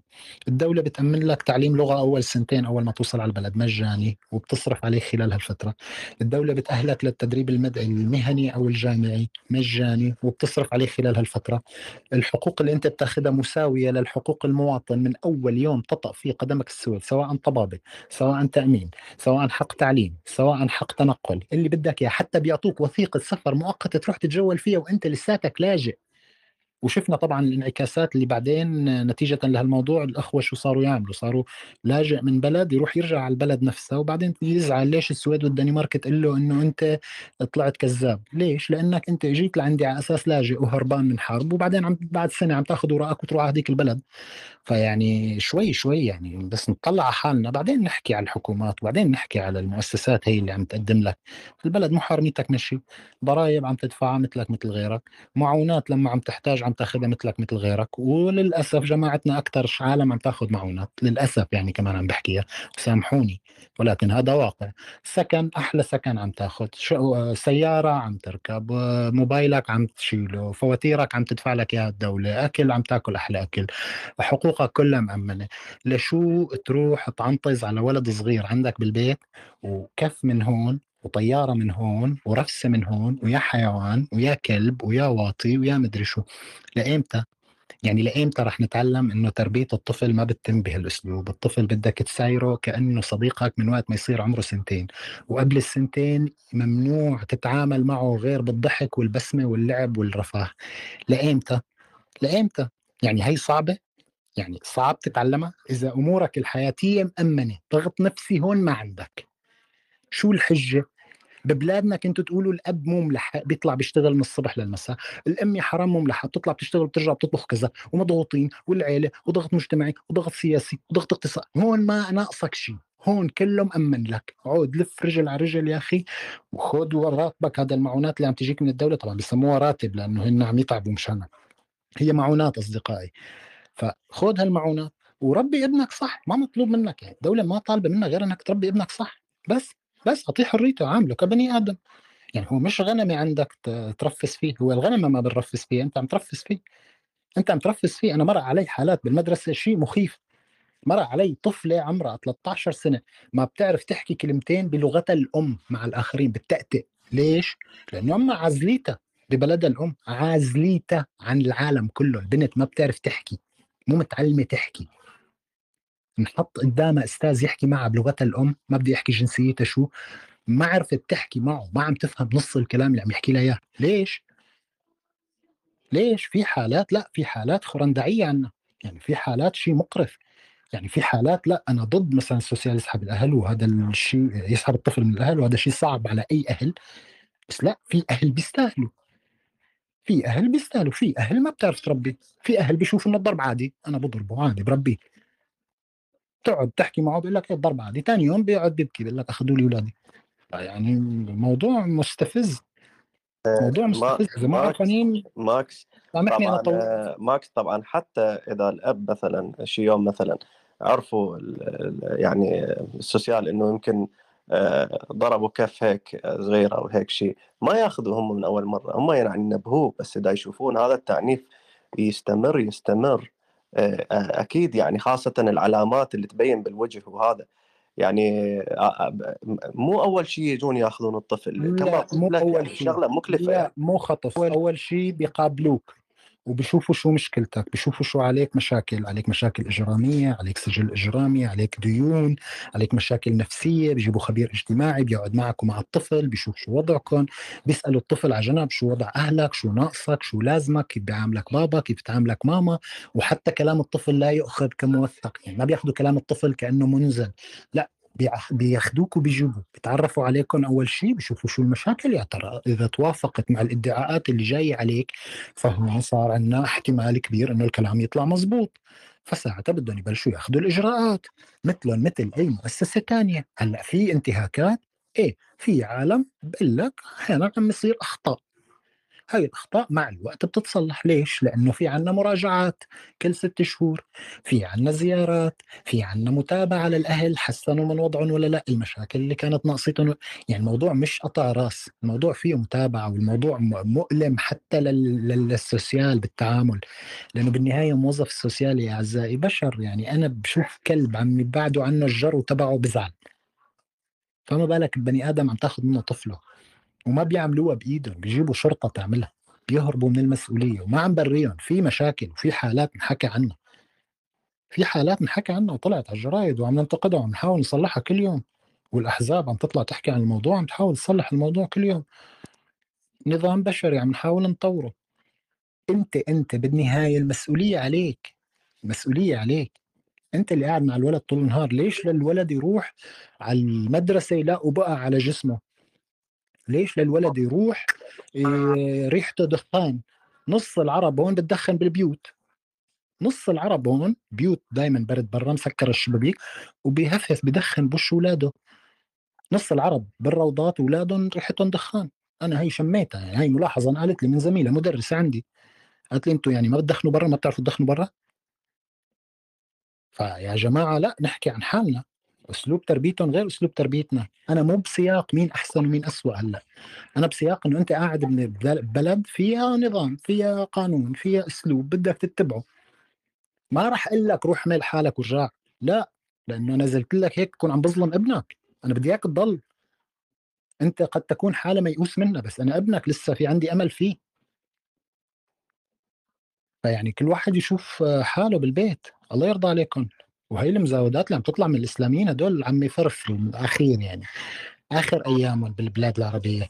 حلو؟ والأنظمة يعني الحمد لله داسه على رأسهم بالصرماية وما لهم خبزه هنيك. فهلأ قاعدين شيء من تركيا شيء بيطلع لك على أفغانستان بيهبد شيء بيطلع لك مدري وين بيهبد. وزدت دخانيات عدا عسى ولعل يلحقوا لهم شوية فولوز وشوية مشاهدات على اليوتيوب اللي هي مصدر رزقهم حاليا. فعادي خلوهم خلوهم السويد لا سألي عنهم السويد لا سائلة عنهم. ولا سائلة عن مطالباتهم. هي المطالبات المحقة عم نتعامل معها والدولة عم تتعامل معها وما في حدا يعني بنحاول قد ما فينا ما في حدا يضيع حقهم. أما هدول خلي هذا القنيبي والثاني هذا الإرهابي الثاني شو كان اسمه طلع عمل فيديو ثلاث ساعة يتبكبك. خلوهم عادي هدول خلوهم. هدول بالنهاية بي يعني موجة بتروح وموجة بتيجي. اليوم قاعد طيب. بتركيا بكرة بتلاقيه قاعد ببلد ثاني فعادي خلوه.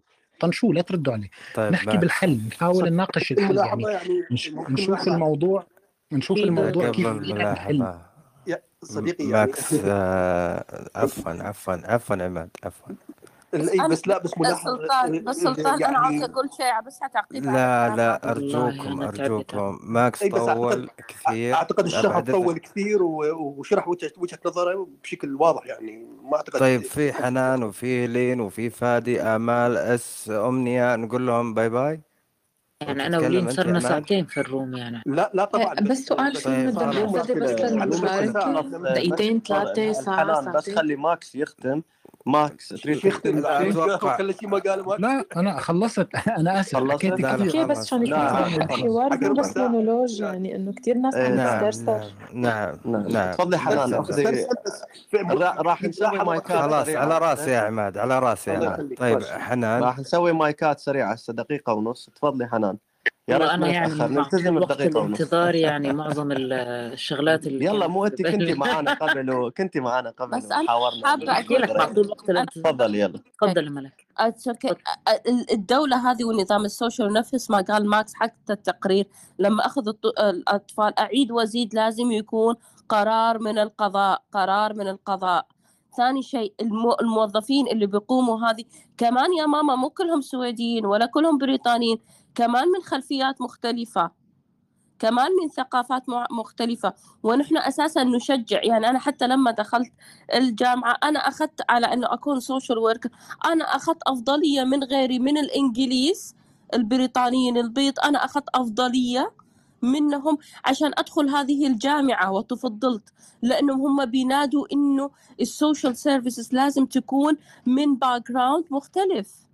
بس أنا هذه حب أحب النقطة أحب عليك. هي مش دولة ضد ضد ضد إنسان يا جماعة. نعم صحيح. أتفق. حنان ما خلصت طيب أنا عشان بدي أحاول. والله تفضل المايك عندك.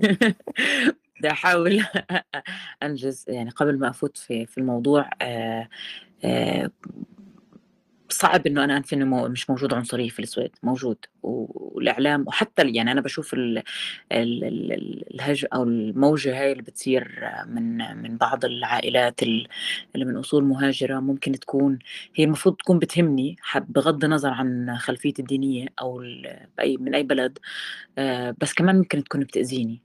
آه لا في عنصرية في السويد وممكن جدا يكون آه في تمييز حتى بالسوسيال. وأنا هون ما بدافع على فكرة ما بحكي إنه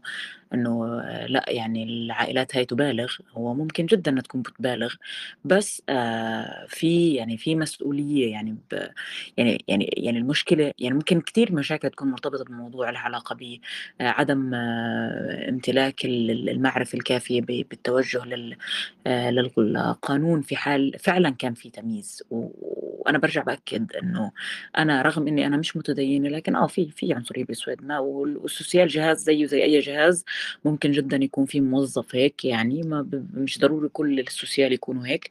ممكن هذا الموظف بالذات يعني يكون ميز ما ما بنكر يعني بس ما بحكي إنه بشكل عام آه هذه الحال بالسويد يعني هذا الحال. يعني أنا كمان لازم أنا ما مريت بتجربة بس كمان صار لي ثلاث أيام تقريبا في مساحات وبسمع تجارب.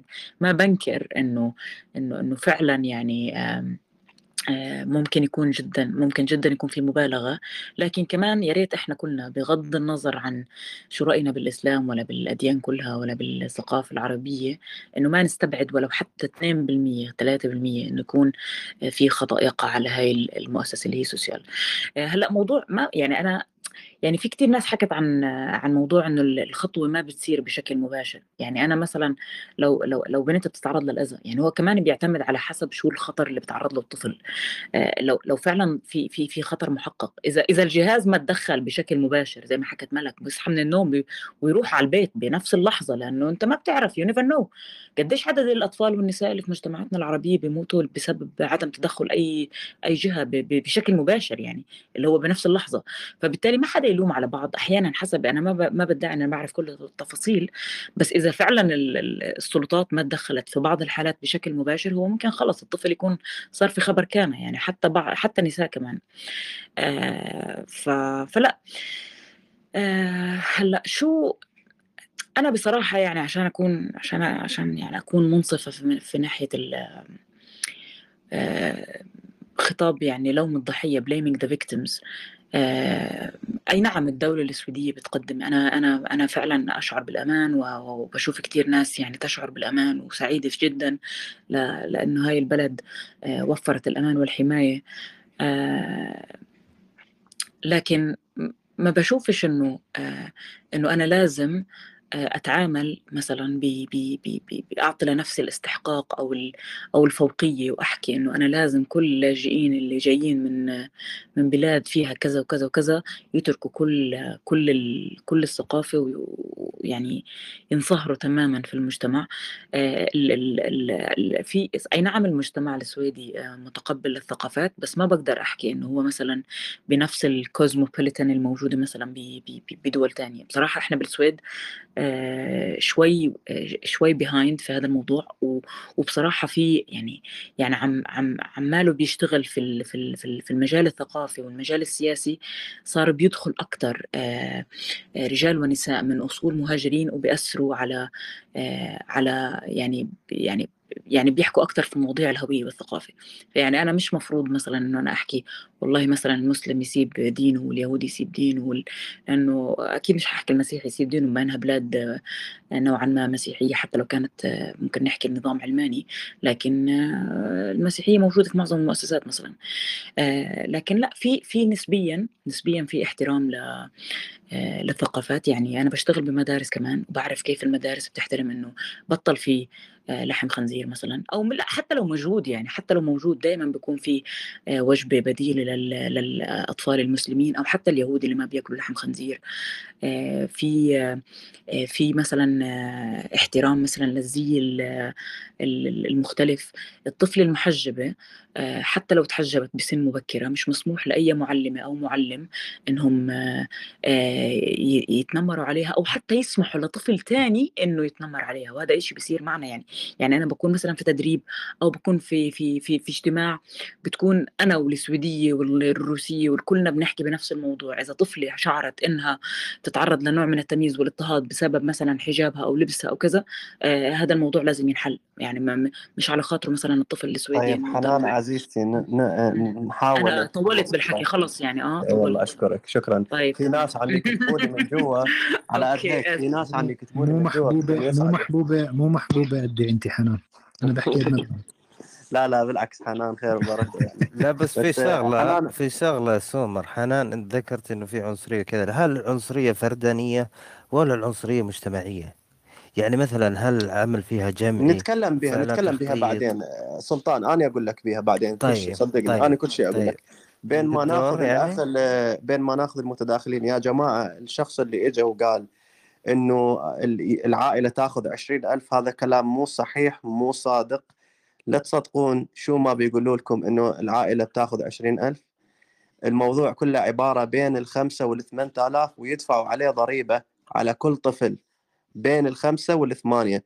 صديقي شخصيا ياخذ ستة آلاف ونص على كل طفل عنده. لا حسب ظروف العائلة حسب ظروف العائلة. أكو عائلات تاخذ 20 بعد آه، هو اللي قال لي يعني هذا الكلام. أنا أثق به لأن طيب مصدر مصدر من السوسيال ستيرلسون أو أي شيء. لا أنا أنا أنا راح أقول بس شيء آه بس أنا أقول شيء هو آه لأن الطفل لكل طفل بيكون احتياجات مختلفة.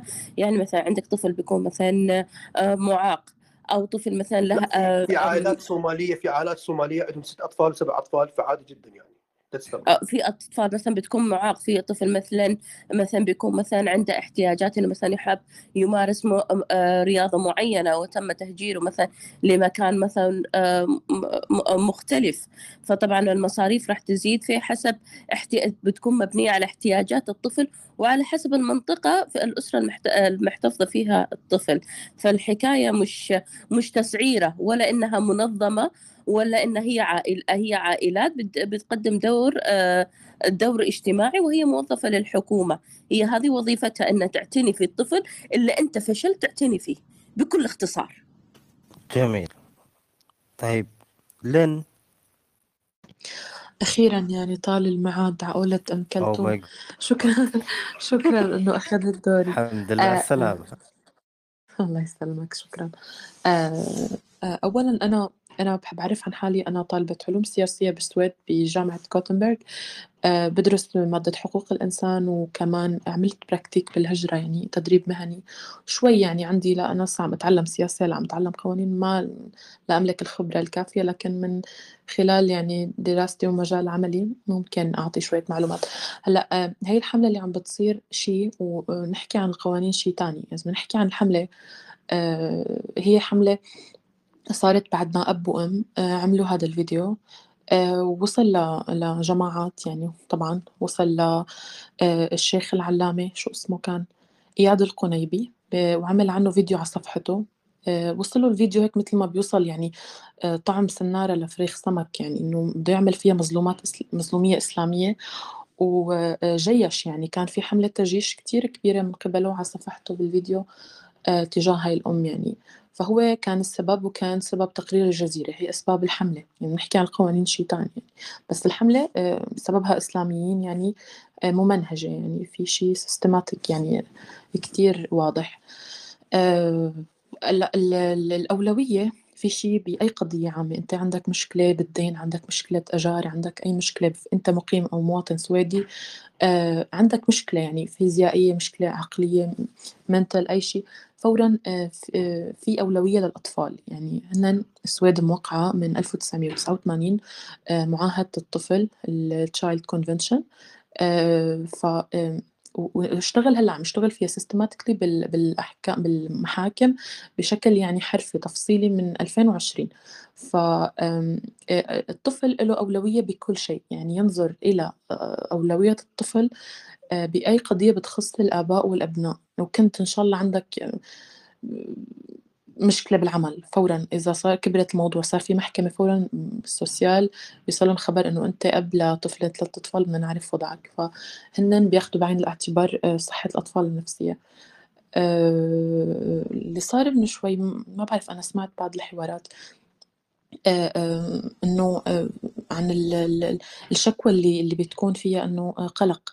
هلأ الشكوى في قلق وفي شيء إنه ينسحبوا الأطفال شيء ثاني يعني حتى الدكتور تخنين أنا بصراحة استغربت وقت حكى اجى اخذوهم إيه طبعا يعني إذا شافوا حالة آه، آه، حالة عنف على الطفل أو ايذاء جسدي أكيد بدها تيجي جهة وتاخده. هذا لا يعني إنه اخذته للأبد. اخذته لتحقق بشأنه شو صاير مع قصته. فمو أنا شفت آه، جهة أخذت طفل معنا ما- في تحقيق كامل القضية ما تسكرت في شيء اسمه دراسة حالة بدومنينج بالسويدي.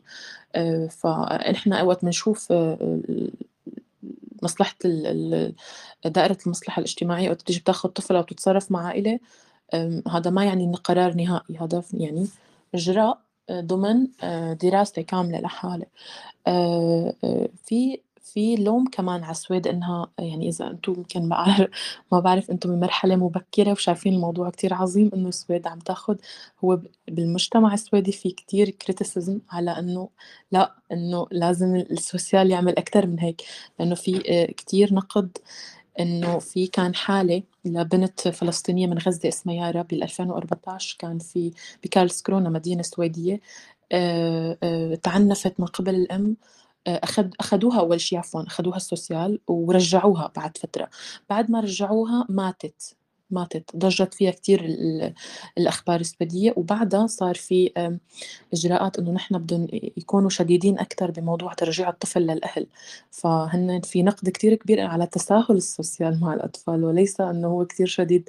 في كمان طفلة تانية سويدية اللي عم بقرأ أنا آه كمان آه سويدية هي. أبوها كان كحولي. آه فانأخذت وكمان ترجعت وماتت كمان بعد أسبوعين. فالنقد على تساهلهم يعني مو على إنه هن شديدين. الطفله يارا هي بعد ما ماتت الفلسطينية أبوها وأمها تقدموا للقضاء مو بس أمها وأبوها. المدرسة والمصلحة الاجتماعية المسؤولة بهداك الكومون عفوا البلدية. يعني تحاسبوا الأهل وتحاسبت الجهة المسؤولة عنا بالمدرسة وتحاسب كمان كلهم قدموا للقضاء جهه السوسيال وعدم متابعتهم ونسيانهم للأطفال هناك فنعم. وبحالة الناشط طلال دياب وزوجته أمل شيخو السوريين يلي كان ظاهر بفيديو بتلج شفناه هيك عم عم يحكي بتلج أكيد هلأ من كل من نحن من حقنا كبشر أو كناس طبيعيين نتعاطف مع أي حالة لا إنسانية فكيف مع أب وأم فقدوا اطفالهم بس هلأ إذا بنرجع نحن مثل ما انحط بشوي documents كانت عاملته التلفزيون السويدي الأول آه، كان عامل آه، رد يعني على هذا الشيء فتحوا ملفهم لهدول الناس آه، ابنهم في عندهم ابن بحاجة لرعاية شديدة وعنده أخين كبار محبوسين بالسجن والأب والأم كريمنالز معنفين يعني معنفين. ف نحن إيه أكيد من واجبنا نتضامن معهم نحس بحالتهم الإنسانية لكن كمان موضوع إنه طرح الحقائق نحكي بموضوعية كاملة ونحكي حسب الحالة لأنه كل حالة سحب أطفال في لها إجراءات حقوقية إجراءات قانونية خاصة فيها ما بتشبه الثانية مو لأنه في مسلمين أو ما في مسلمين. يعني هلأ مثل ما قالت شوي موظفة ال social إنه القانون يطبق على الجميع يعني social يعني مثل ما في هلأ حملة بالعالم العربي على ال social ممكن يكون في حملة بالعالم الصيني عن الأطفال الصينيين اللي عم تسحبهم السويد أو ألمانيا في حملة باليابان في حملة يعني آه، في على طول جماعات بتحاول تصور الموضوع على إنه قومي عرقي ديني ايديولوجي آه، خاص بهذا الشيء أكيد نحن لازم نتعاطف معهم لأنه إنسان مو لأنه مسلم هذا الشيء يعني هو اللي كان واضح آه، الأب والأم عم يناشدوا الأمة الإسلامية. فهون اجى الصدى وهون اجى الفيديو هذا اللي اسمه إياد القنيبي. ففي أولويات في دراسات في شيء في في إجراءات مخصصة لكل حالة. الأطفال بالسويد هن الأولوية ومو كل شيء بنسمعه صح. يعني عم نسمع نحن هلا شغلات من ناس أساسا مو ساكنين بالسويد وبس شافوا فيديو إياد القنيبي وفقط بدهم يمشوا على ورا الشعور طبعا. احسنتي وصلت فكرتك على عفوا بعتذر على الإطالة وشكرا. لا أحسنتي بالعكس هم يمشوا ورا وبعدين في مصطلح ما ما في كمان بيقول لك ما نحن كلنا ضربنا وحلوين. لا أنتم حلوين ما ما ما لا تعتبر ما لا تعتبرونه جريمة يعتبرونه الغير في مجتمعهم جريمة. كونك أنك أنت لا تشوف انه الجريمة أنك تضرب طفل فمعلش في المجتمعات الأوروبية الطفل عنده الأحقية وهذه جريمة ويجب أن يعاقب عليها. أنت تربيت تربية معينة كثر خير اللي ربوك بس معلش أقول لك ترى ربوك غلط. وأول ما ما آه، رحت هناك لا لأن القانون يطبق على آه، على الجميع فإذا السويدي ضرب ابنه فهذه جريمة وإذا المسلم ضرب ابنه فهذه جريمة. مشكله مش مشكلتكم إنهم أنتم مش شايفينها جريمة ومو مو عارفين يعني شنو التعنيف. أنتم صار لكم أسبوع بتتكلموا في الهولوي عندنا في آية واضربوهن وكيف ممكن نضرب السيدة. في السويد في ألمانيا في هذا هذا هذا الموضوع يا ماما يوديك الحبس. احسنتي شكرا. آه طبعا إلي عندي سؤال بعدين اسالك فيه بس خل آخذ لأن طولت على خلي. هذا السؤال جدا ضروري وسوى شبهات بالكلاب هاوس قبل كم يوم وانتقل على عباء عبر تسمح الواتساب. لي تسمح لي قبل السؤال أسأل سؤال جانبي شوي؟ تفضل ولو هلأ بس اللي كانوا على الهولوي من فترة وعم يناقشوا اضربوهن. هن مقيمين بأوروبا صح؟ طبعا. الدعاوي القضائية ليه ما عم تشتغل من العالم هون؟ يعني ليه ما يتم رفع دعاوي وتقارير لهدول الأشخاص؟ أنا هي لهلا مستغرب منها يعني صار لنا سنة تقريبا وعم نسمع هاي الخطابات ولهلا ما شفت شغل منظم للتوجه للقانون هون لمحاسبة هدول الأشخاص يا ماكس أنا من لأنه أنا من من من عرقية ومن من السودان كان في آه، ناس كثيرين عنصريين وفي آه، عندهم آه بالضبط بالضبط ملك, ملك. اسمعني بس دقيقة. عنصرية أنا بنفسي بلغت عنهم. طيب لازم أنا قريبا راح بلش آه ما في مشكلة ما في مشكلة. قريبا راح بلش لكان حملة وإن شاء الله راح تكون منظمة جدا راح تعجبكم لنأخذ النشيتيف تجاه هدول الأشخاص المقيمين في أوروبا تحديدا. لشوف عاد إذا عاد حدا منه بده يطلع يقول اضربوهن واقطعوا رأسه. ويقول لي الطفل لازم ينضرب ولازم يتربى هيك وأنت لازم ينعمل فيك هيك والمثلي لازم ي... بدي أشوف القانون هون شلون بده يتعامل معه. لشوف ما في ما في ما وتابعوا تسجيل أنا بتشكر اللي عم يسجلوا على اليوتيوب. ولماذا أنت تعترض؟ لأنه لماذا أنت لأنه تعترض؟ لأنه هذا وثقافة لأنه صار عندي صار عندي صار عندي صار عندي؟ database صار عندي database مرتب ممكن ما يعني تطلعون من الموضوع الموضوع حتى لا يتشعب يعني؟ نعم نعم. دعوني استاذن من الجميع. ولماذا كل هذا الهجوم عليهم؟ ربما معهم حق أيضا. مجتمعات بالطبع. عربية وإسلامية مختلفة عن الغربية. لن نقبل بعاداتهم وتقاليدهم. لا تقبل. لا تقبل. لا تقبل عزيزي. لا تقبل. لا تقبل. حبيبي إن لا شاء الله. تقبل. حبيبي لا تقبل. دقيقة. مو يا جماعة. تقبل. يا جماعة يا جماعة. يا جماعة على كل شيء نرد لا لا لا لا لا. لا تقبل لا ملاك. تروح عندهم. ملاك بعد إذنك. بكل أمانة. ملاك بعد إذنك. خلاص سنخوض معاركنا معهم ولا يهمه فادي تفضل. شكرا جزيلا على إتاحة الفرصة. مساء الخير على الجميع وتحية خاصة لأصدقائي الأحباب ماكس وسومر. شكرا سومر على إدارة هذه الحوارات الجميلة. ما راح أقعد أتفلسف لكم بالقانون أو بال... بال... بال... بالوضع الاجتماعي هنا أو بال... بالوضع السياسي. بس لأن يعني ماكس ست ملك الآنسة أو السيدة لين يعني كفوا ووفوا سومر. هم الرجل ساحب اختصاصه على احتكاك مباشر مع هذه البيئة اللي لها علاقة بعمل دور الرعاية الاجتماعية ودور المدرسة والبيئة والعفو البيئة الأسرية وما إلى ذلك. لن أسهب بالقول راح أختصر عليكم بكل بساطة. أتناول لكم تجربتين أو ثلاثة.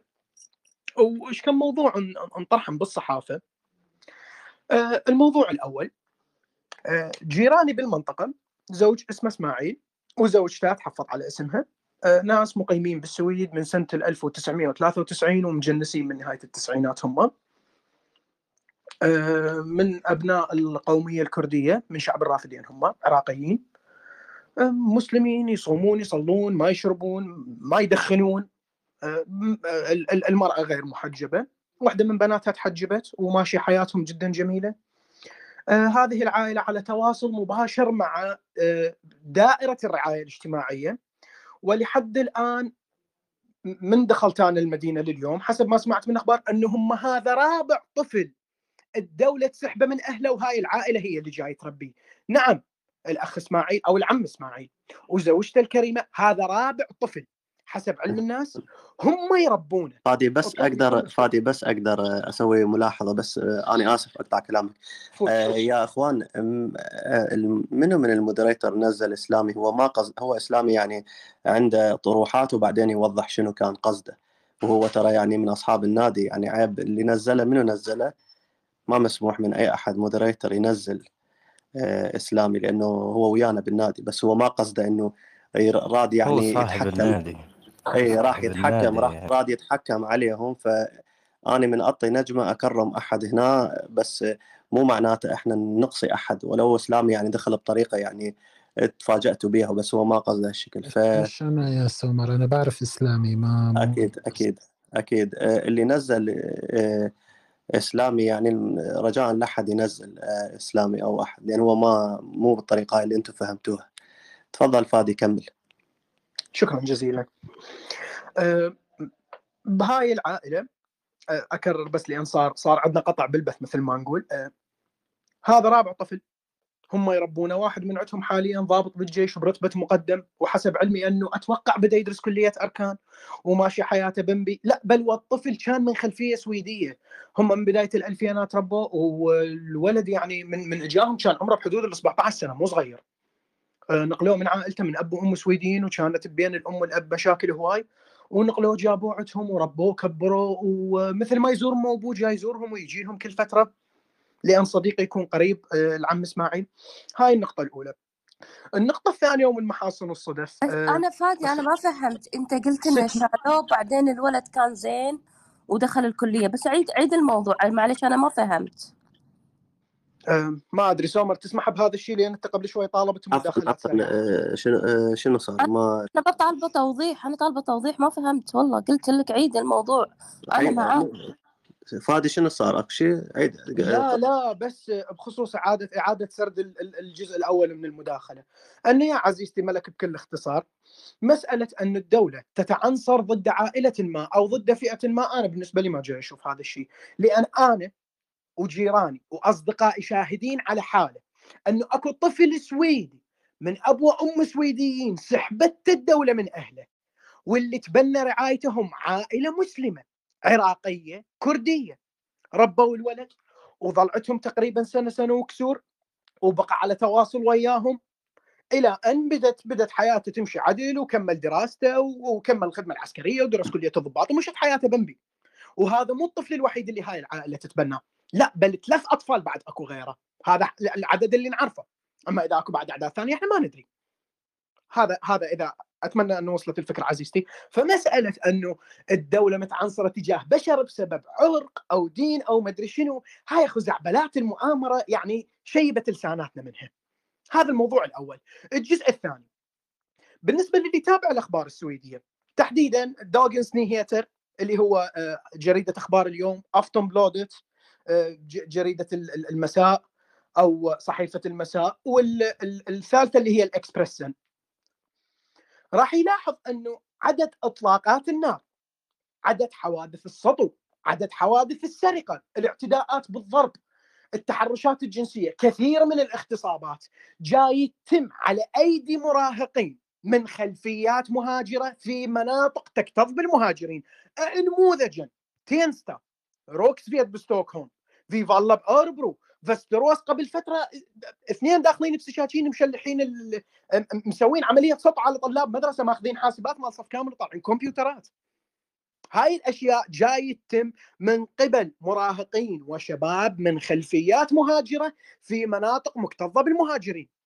ناهيك عن أن الواجهة الواجهة الإجرامية للتنظيمات الإجرامية بالسويد هي عبارة عن مهاجرين فقط. ما سمعنا بيوم من الأيام انه اللزم سويدي وبجيبه 100 جرام كوكايين بس جاي تصير ويا العرب ويا الأكراد والأتراك ويا الإيرانيين والصوماليين. هواي جاي تصير هاي. بس ويا سويدي ويا نرويجي ويا فنلندي ما جاي تصير. 1% من الحالات. فأنتم فكروا لما لما يردون لما يردون يسوون دراسة شاملة على المراهقين وأوضاع الأسرة وما إلى ذلك هو ما ما يفكر هذا خلفيته. شنو أمه شنو؟ أبوه شنو؟ ديانته شنو؟ هذا يفكر بأثر المراهق بالوقت الحالي على المجتمع. وبمقدار الريسورسز اللي الدولة جاي تصرفها. هذا الطفل لما يدخل بالسلك الإجرامي الدولة ما جاي بس تصرف له أمان أم... آه، العفو آه، آه، شو يسمونه تعليم مجاني و... ال health support försäkring يعني ال- ال- التأمين الصحي المجاني. لا بل الدولة أيضا جاي تصرف resources معينة على دوائر الرعاية الاجتماعية حتى تتبع وضعها بالمدرسة وأيضا جاي تصرف للشرطة فلوس لأنهم يحسبون حساب بما انه زاد عندهم مجرم زيادة هم حاسبين يعني يكون أقل شيء كل ثلاث مجرمين لازم إحنا عندنا شرطي. فهذا الشيء جاي يكسر ظهر الدولة. ناهيك عن الترويج يعني هسه اللي يدخل اللي يدخل أبسط حالة على اليوتيوب تمام؟ ويطلع على أغاني الراب اللي تشجع على العنف والقتل والاغتصاب والتجارة بالمخدرات راح يشوف إن 99% من المغنيين اللي جاي يأدون ويحرضون على هاي الأشياء هم من خلفية أجنبية. نعم ومن خلفية عربية نعم ومن خلفية شرق أوسطية وأنا ابن هذه المناطق وملتقي بهاي النماذج من قبل. وهنا لا أطعن بالدين إنما إحنا جاي نحكي على ناس انتقلت من مكان لمكان وما جاي ترضى تتأقلم. تعبتونا؟ لا الاهل يرضون يتعلمون. تهرب من الضريبة واضح. يخلفون مئة ألف طفل ويذبونه بالشارع وما يربونه في سبيل الرواتب. يجمع له فلس على فلس على مود عسى ولا علي يفتح له شركة. لو يقضيها سفر وطلع وطبه منها ومنها والمجتمع يبتلي بأولاده. ست أطفال أنت شو وقت تلحق تربيهم كلهم؟ قبل كانت نصيحة الجار موجودة بزمنها انه اللي يخلص 10 و15 انت تربي والاخ يربي والعم يربي والخال يربي والجيران يربي والنتيجة شنو؟ إحنا جاي نتضرر والمجتمع جاي يتضرر وغيرنا جاي يتضرر. النقطة الثالثة والأقوى سنة 2016 بمنطقة تيستا بستوكهولم منطقة معروفة على مستوى أوروبا الشمالية كلها بمسألة الإجرام ومعدلات الإجرام والقتل الموجودة بيها. حرب عصابات دامية. كلهم مهاجرين. نعم قطعا 150% من عندهم مهاجرين. أقصد 100% من عندهم هم من أبناء المنطقة وال50% المشتركين بحرب العصابات من خارج هذه المنطقة. هم عبارة عن مهاجرين كلهم. النتيجة شنو صارت؟ عبارة عن قتل بالشوارع تسليب تشليح للناس. يا أخي نصبون سيطرات ناس تقتل بناس. ناس تقتل بناس. وبسبب الدوافع الدينية بسبب الدوافع الدينية. هنا بالسويد بالنسبة للي ما ساكن هنا وما يعرف.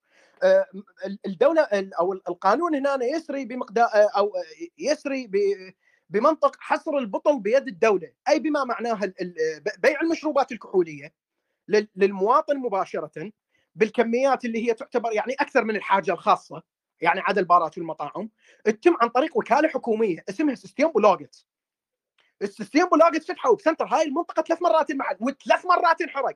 وتنكتب تهديدات باسم جماعات دينية إسلامية متطرفة. واللي يحب يقدر يدخل ويقرأ.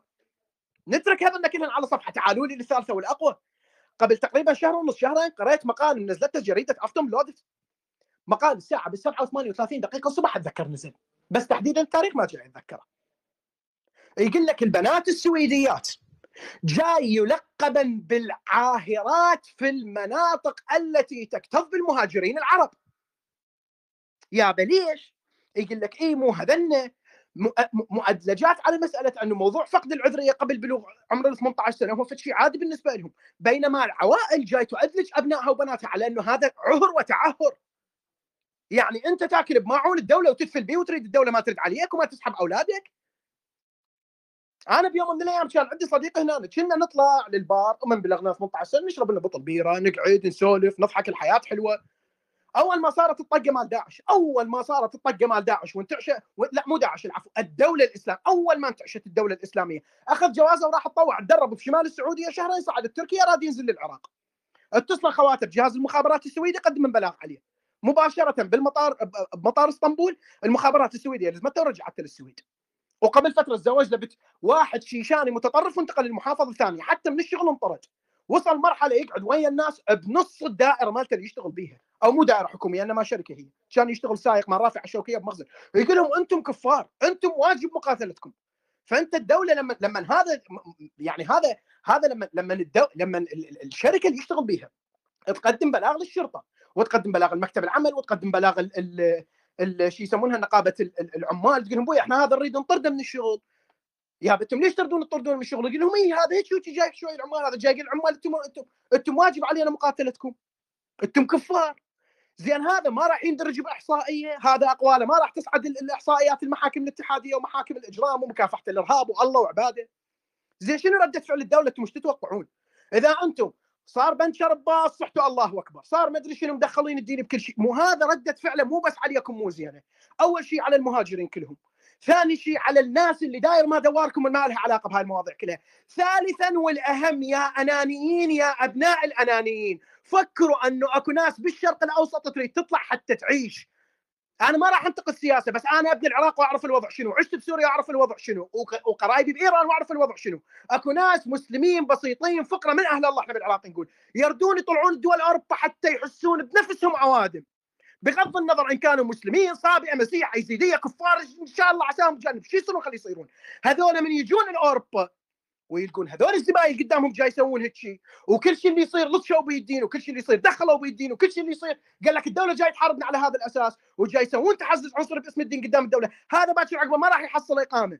فأنتم من تفكرون بهاي الأنانية غيركم راح يتضرر. اللي يشتري حياته واللي يريد يعيش واللي واللي يريد يأمن مستقبل اطفاله ما راح يقدر يعيش. فكروا استخدموا عقولكم شوية. دخلوا اقروا أخبار دخلوا تعلموا دخلوا روحوا اشتغلوا دفعوا ضريبة وعيشوا حالكم من حالنا. صار لي 12 سنة أنا عايش بالسويد. بيوم من الأيام وصلت لمرحلة من المشاكل هم أنا كانت عندي مشاكل بالبيت حالي حال أي مراهق. حالي حال أي مراهق عايش بمنطقة مكتظة بال... بال... بالناس اللي من خلفية مهاجرة وتحديدا الشرق الأوسط. هم زرعت براسنا افكار وتعالوا طريق الاجرام حلو ما أدري شنو خوش فلوس من الحكي هذا وأبوي كان واقف وبكي وراد يسحبني السوسيال بيوم من الأيام. ليش؟ شيء من الشيء يذكر يعني شيء بالشيء يذكر لأن أبوي كان بطريقه من الطرق هم يعني بمساله أسلوب صوت عالي وتهديد وما إلى ذلك وبنفس الوقت أنا كنت يعني مراهق وطايش. الدولة مو ضد أحد الدولة ما تكره أحد. فكر بطريقة إنه هذول اللي اللي اللي يدخلون ويرحون وتربيهم الدولة وما إلى ذلك. هذول هم نتاج بيئتهم. الدولة حتى لو تريد تعالجه من 70 80% من العقد النفسية اللي جايبها وياه من البيت ما راح تعالجه منهن 100% لأن أكو أشياء متجذرة بشخصيته. اكو اشياء متجذرة بدمه أنا آسف دمي احترق بس يا أخي والله ما الواحد ما يتحمل. جدا آسف منك سومر ومن الموجودين. جدا أعتذر من Relax الموجودين. Relax فادي. شكرا شكرا Relax يعطيك العافية. شكرا فادي. كلامك عم تهم ما في شيء نقدر نقول يعطيك العافية. Thinker. أهلا يمكن. صديقنا. حياك الله. أهلا وسهلا. فيك. يمكن نعلق من فضلكم؟ لا يمكن. أنت أنت راعي مكان يا ثينكر حياك الله الله يبارك فيك جزاك الله خير الله يبارك فيك. عموما عموما أنا سمعت يعني تقريبا كنت بين ال- الفترة وفترة أدخل وأخرج أنا طارت المدة حقيقة. في كلام رائع جدا ذكر من طرف ال ال ال الأخت أظن أمال. آه نسيتها والله هي أمال أظن اللي جاءت social worker في بريطانيا. ال- ال- الموضوع يحتاج إلى نعم؟ للأمانة لن ما أخت نعم. نعم أظن نعم. المهم المهم أن الطرح الموضوعي هو الصحيح هو كل لا أريد أن أعيد كل ما يقال هنا وهناك. كثير مما قيل هي عبارة عن توصيف الحالات توصيف الوضع توصيف هموم ال- ال- ال- ال- المغتربين أو المقيمين والمتجنسين. اللي اصبحوا عموما عرب ومسلمين أوروبيين في بلد أوروبي آه، Thinker اصل Thinker آسف بس اوقفك أنا أعتذر منكم يا جماعة أنا أعتذر من كل الموجودين هنا لأن أوقف الكلام. بس آه، إسلامي متى يقدر يدخل. أكو أحد من الجماعة الموجودين على ال speaker عامل block أو شيء يعني يا ريت إذا بدون ليش رفع. حط ليش الرابط تبع صفحته فوق واللي عامل له block يشيله. إي والله الله يخليكم لأن فشلة يعني. آه، راح أخلي آه، ال profile ماله بس عشان راح يرجع راح ينزلك بكرة سومر من الإدارة. ونزل حاسب يا شالة يعني. لا لا راح